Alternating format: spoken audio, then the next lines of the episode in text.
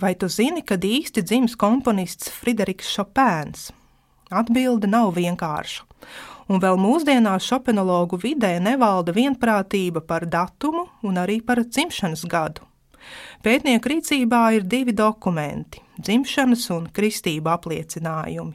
Tie abi norāda uz 22. februāri un tā sacīt tolaik esošo, jeb 1810. gadu.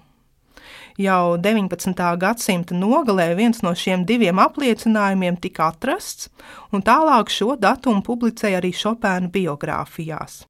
Tomēr jāatzīmē, ka 19. gadsimtā diezgan bieži radās grūtības ar patiesā dzimšanas datuma noteikšanu.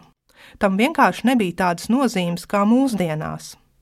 Bez šiem diviem dokumentiem mums ir tikai Šopēna literatūrā norādītie datumi, kas apspriesti daudzos specializētos un populārzinātniskos rakstos. Izrādās, ka pirmais poļu autors, kurš minējis Šopēna dzimšanas datumu, bija Varšavas mūzikas kritiķis un žurnālists Jozefs Sikorskis. Viņa darbs par Šopēnu iznāca neilgi pēc komponista nāves 1849. gadā, un tajā Sikorskis norāda pavisam citu dzimšanas datumu un gadu 1809. gada 1. marts Želazova volā. Savukārt, balstoties vēstulēs rakstītajā, zināms, ka Frideriks Šopēns pats bija pārliecināts, ka viņš dzimis jā, 1. martā, bet 1810. gadā, kā varēja figurēt arī 1809. gads. Te jāpieņem, ka datuma un gada drošticamais avots bija komponista ģimene, īpaši viņa māte Justīna Šopēna. Pastāv minējuma viena iespējamība, ka jaundzimušais Šopēns gandrīz gadu netika reģistrēts oficiālajos dokumentos, un otra iespējamība, ka bērns tika kristīts lielā steigā ar bažām par viņa izdzīvošanu un, diemžēl, netika pienācīgi iegrāmatots. Jozefa Sikorska piezīme par 1809. gada 1. mārtu tika ierakstīta arī poļu enciklopēdijā.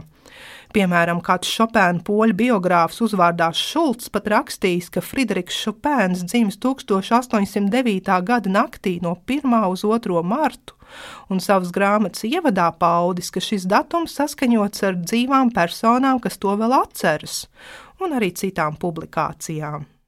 Tādējādi pētnieku vidē izkristalizējās divas versijas Šopēna oficiālajai dzimšanas dienai - 1809. gada 1. marts vai 1810. gada 22. februāris. Un, protams, ir arī Šopēna viedokļa aizstāvji par 1810. gada 1. martu, kam reizēm tiek piešķirts izšķirošā argumenta svars. Jāuzsver, ka līdz 19. gadsimta nogalē Šopēna biogrāfi pārsvarā nevēlējās iepazīties ar dokumentiem, bet balstījās tikai uz mutisku informāciju, ko sniedz komponista ģimene vai citas personas. Jāpieņem, ka arī pats Frideriks Šopēns nekad nav izmantojis savas dzimšanas apliecību vai tās kopiju. Tajos laikos šādu dokumentu parasti izmantoja sakramentiem, īpaši laulībām un dišciltības apliecināšanai. Šopēna dzīvē neviens no šiem apstākļiem nebija aktuāls, un to pašu iemeslu dēļ var šaubīties, vai Friderika Šopēna ģimenei vispār piederēja šī dokumenta kopija. Mūsdienās Varšavas Friderika Šopēna muzeja pārstāvji apmeklētājiem uzsver, ka poļiem tā arī līdz galam nav zināms komponista dzimšanas laiks, bet tas viņiem nemaz netraucē svinēt Šopēna jubilejas un gadsimtu svētkus veselu nedēļu, no 22. februāra līdz 1. martam.